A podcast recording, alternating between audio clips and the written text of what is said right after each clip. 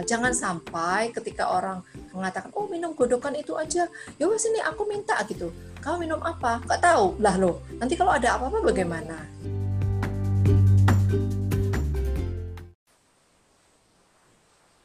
Oke teman-teman, kita kembali bersama Dokter Prapti dan sekarang masuk ke segmen 2 yaitu tentang how we start sih, gimana kita uh, memulai kalau mau memulai kembali ke alam ya, kembali ke herbal tadi. Dan kita juga harus ingat bahwa herbal bukan segalanya, kimia sintetik juga bukan segalanya. Kalau memang uh, kita harus memadukan keduanya, sehingga bisa holistik uh, silahkan gitu ya tapi kalau misalnya kita mau memulai dengan tadi yang dokter Prapti bilang preventif itu tadi kita bisa mulai dari awal nih nah kita akan belajar bersama uh, dokter Prapti di sini nah dok uh, per, pertama deh ya saya bertanya. Yang saya pengen tanya nih karena saya juga sekarang usia udah kepala tiga ya kayaknya udah mulai mikir gitu loh dok kalau dikit-dikit minum obat kimia sakit dikit minum obat kimia gitu. Bahkan saya pernah biduran satu bulan kemarin dok. Sedikit cerita bulan gitu nggak tahu sebabnya apa. Tanya teman-teman sana sini sini akhirnya saya ke jamu dok. Akhirnya saya uh, jam dengan berba apa kunyit lah apa apa gitu. Dan uh, alhamdulillah ya atas izin Allah bisa sembuh gitu. Nah dari tapi memang kerasanya tuh lama gitu. Kerasanya lama. Nah apa nih langkah pertama kita untuk mulai dok? Karena kayaknya kalau pakai herbal tuh lama sembuhnya gitu. Gimana dok? Iya. Lama atau tidak lama itu tergantung kita kok. Maksudnya respon tubuh kita gitu ya, dan apa yang sedang terjadi. Yang tadi saya saya selalu uh, tekankan bahwa yang pertama ketika kita mau mengkonsumsi ataupun mau uh, apa memanfaatkan herbal adalah kita mesti mengenal diri kita sendiri. Itu yang pertama. Kemudian yang kedua adalah mengenal herbal, yaitu 3J 1C. Tahu jenis dan tujuannya, Kemudian eh, C yang kedua adalah tahu jumlahnya atau takarannya. Kemudian C yang ketiga adalah jadwal atau waktu minumnya. Hmm. Terus yang C adalah cara mengolahnya. Hmm. Nah, itu menjadi langkah awal. Nah, bagaimana kita mengenal diri sendiri? Ya harus memang tahu diri sendiri itu posisinya itu seperti apa, seperti itu. Biasanya saya memberikan uh, apa ya pe, uh, form uh, peradangan tersamar untuk identifikasi diri sendiri. Jadi hmm, ada self assessment gitu ya dok? Ya betul. Assess diri sendiri. Hmm. Ya mengakses diri sendiri sehingga oh ternyata aku mengalami peradangan tersamar gitu ya. Itu peradangan yang nggak nampak, peradangan yang ada di dalam tubuh gitu. Kalau kita kejedut kan kelihatan uh, radangnya di luar. Nah dengan begitu langkah kita peradangan tersamarnya kira-kira yang seperti apa ya? Misalnya uh, setiap minggu flu sebanyak tiga kali gitu oh oke, okay. Berarti setelah itu saya mesti mengenal herbal-herbal yang untuk mengatasi flu gitu. Oh, flu-nya ini karena kurang tidur, berarti meningkatkan stamina. Kenali herbal yang meningkatkan stamina. Tujuannya kan berarti meningkatkan stamina. Berarti kita mencari herbal yang punya manfaat untuk imun booster. Setelah itu hmm. berapa dosisnya? Setelah itu bagaimana cara mengolahnya? Kemudian kapan minumnya? Itu adalah step-step yang uh, apa ya seharusnya semua orang tahu kalau akan mengenal herbal. Jangan sampai ketika orang mengatakan oh minum godokan itu aja, ya wes ini aku minta gitu. Kamu minum apa? Gak tahu lah loh. Nanti kalau ada apa-apa bagaimana gitu. Nah, oh iya, jadi ikut-ikutan gitu ya? Iya betul. Nah tentang kecepatan atau lambatnya respon itu tergantung kondisi. Saya punya pengalaman yang unik ketika saya minum herbal, cepat sekali. Waktu itu saya tidak sadar seiring berjalannya uh, usia, sekarang saya kepala lima, biasanya makan sayur nggak apa-apa, waktu itu satu minggu makan sayur, tiba-tiba kakinya berat, bengkak. Waduh, ini repot nih nggak bisa jalan. Akhirnya saya rebus rempah-rempah dapur, daun salam, kayu manis, uh, daun pandan, jahe, lengkuas, saya rebus semuanya. Satu hari loh sembuh, logis nggak coba? Kalau minum obat kimia nggak bakal. Malah tergantung ya. kadang ya. Betul. Kadang ketergantungan ya malah. Uh, dan uh, itu tergantung kasus juga seperti itu.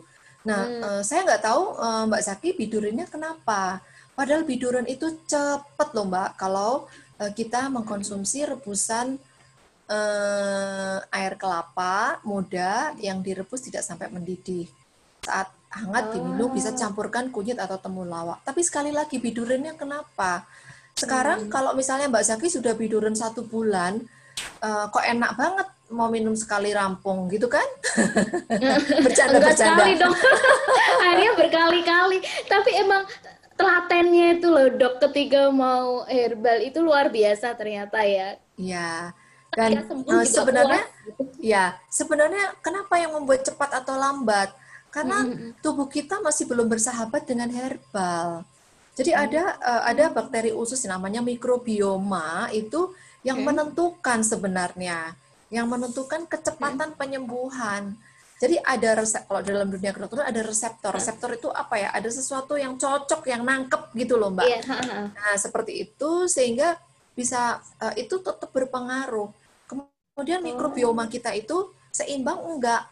Mikrobioma oh. itu kan bakteri oh. usus ada yang baik, ada yang jahat. Mm. Nah, kalau tidak seimbang, kecenderungan sakit apa pun akan muncul mau dikasih obat apa pun akan oh, muncul. Misalnya Mbak Zaki uh, udah minum jamu tapi masih uh, minum bakwan dari terigu, makan gitu kan. Yeah. Masih hmm, makannya makan masih ngawur. Sama ya, aja, itu Hmm, jadi bersih-bersih got tapi tetap dibuang dari belakang kapan bersihnya. Nah, itu hanya perumpamaan oh. aja. Uh, uh, uh, uh. Iya menarik menarik ini dok. Uh, tadi tuh ya tiga jenis tujuan, jumlah, jadwal, dan cara mengolahnya.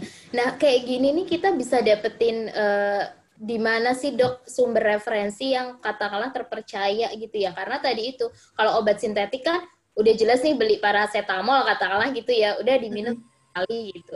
Kayak mm-hmm. kita bisa menjadi dokter bagi diri kita sendiri untuk penyakit-penyakit gitu ya.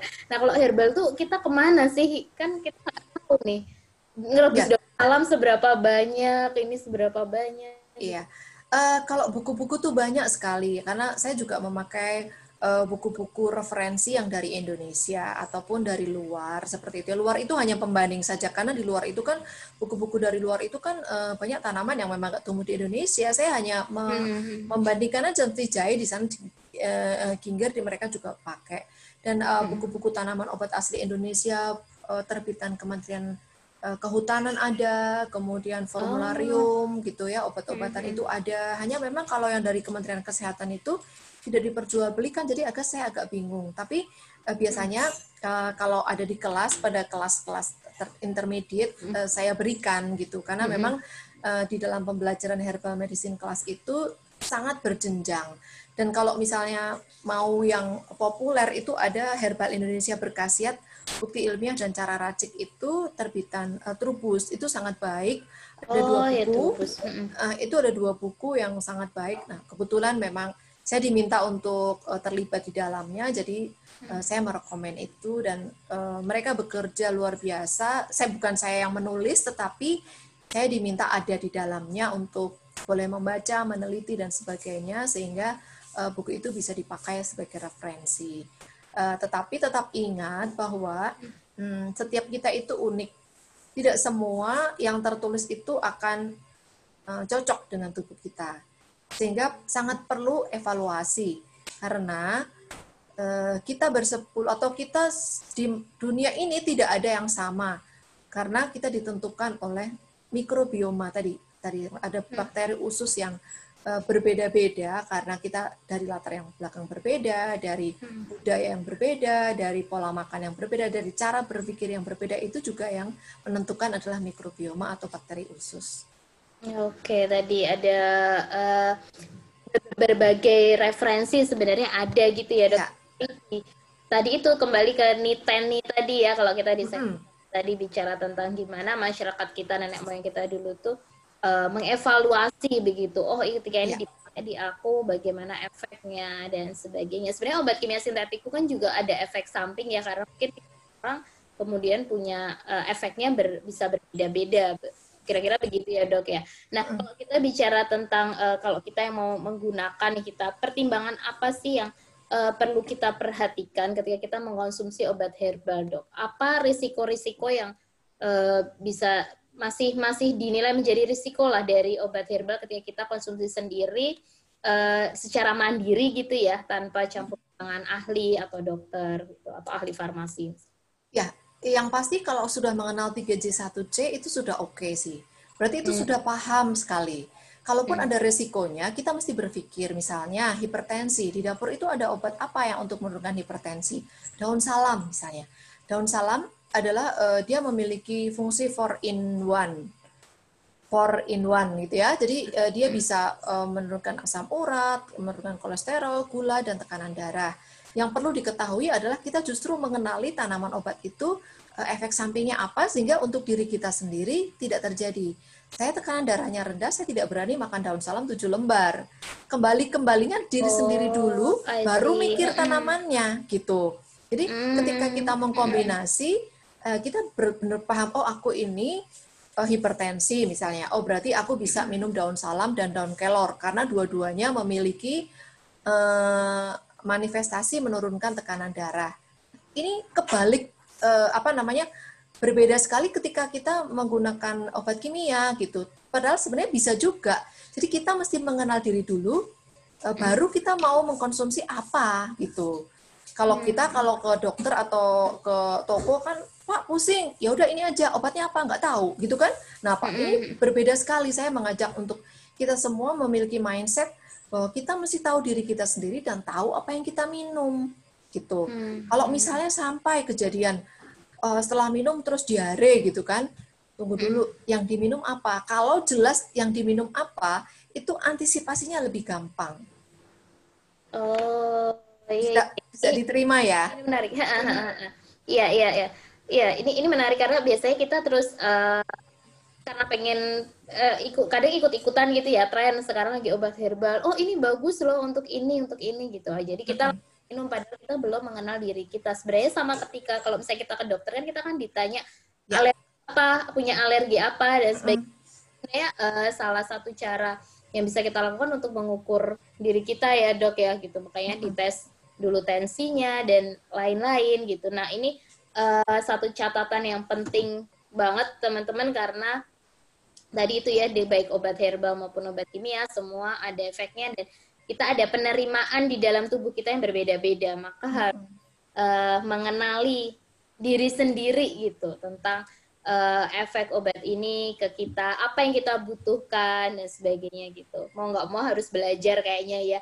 Nah ini uh, sekalian saya promosikan dok di herbal medicine class. Ada kelasnya kan ya dok ya dari ya, ada Mbak Zaki. Intermediate gitu. Jadi teman-teman kalau uh, mau dapat referensi bisa ada buku, tapi kalau mau ikut kelasnya juga bisa dapat pengetahuan yang lebih komprehensif.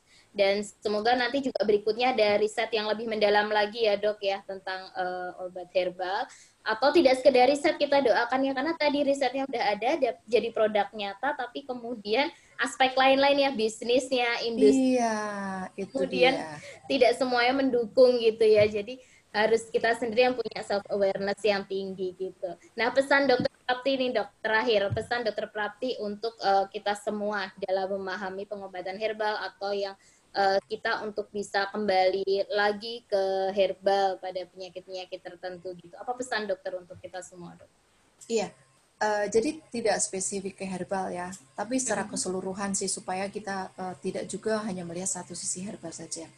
Jangan jadikan sehat itu tujuan, karena sehat itu adalah dampak atau efek dari perilaku hidup yang benar. Uh, sering kali kita uh, berpikir, uh, aku mau sehat, bener nih sehat. Uh, masih minum uh, minuman kemasan nggak? Masih. Masih minum makan uh, micin nggak? Masih. Nah lo kok kepengennya ke kiri kok malah jalannya ke kanan. Nah itu kan antara tujuan dan uh, usaha itu berbeda yang nggak bakal ketemu. Jadi jangan jadikan sehat itu tujuan karena sehat itu adalah dampak atau efek dari perilaku hidup yang benar secara keseluruhan. Itu aja Mbak Oke. Jadi yang jadikan sehat ini ngejelek banget buat saya juga teman-teman.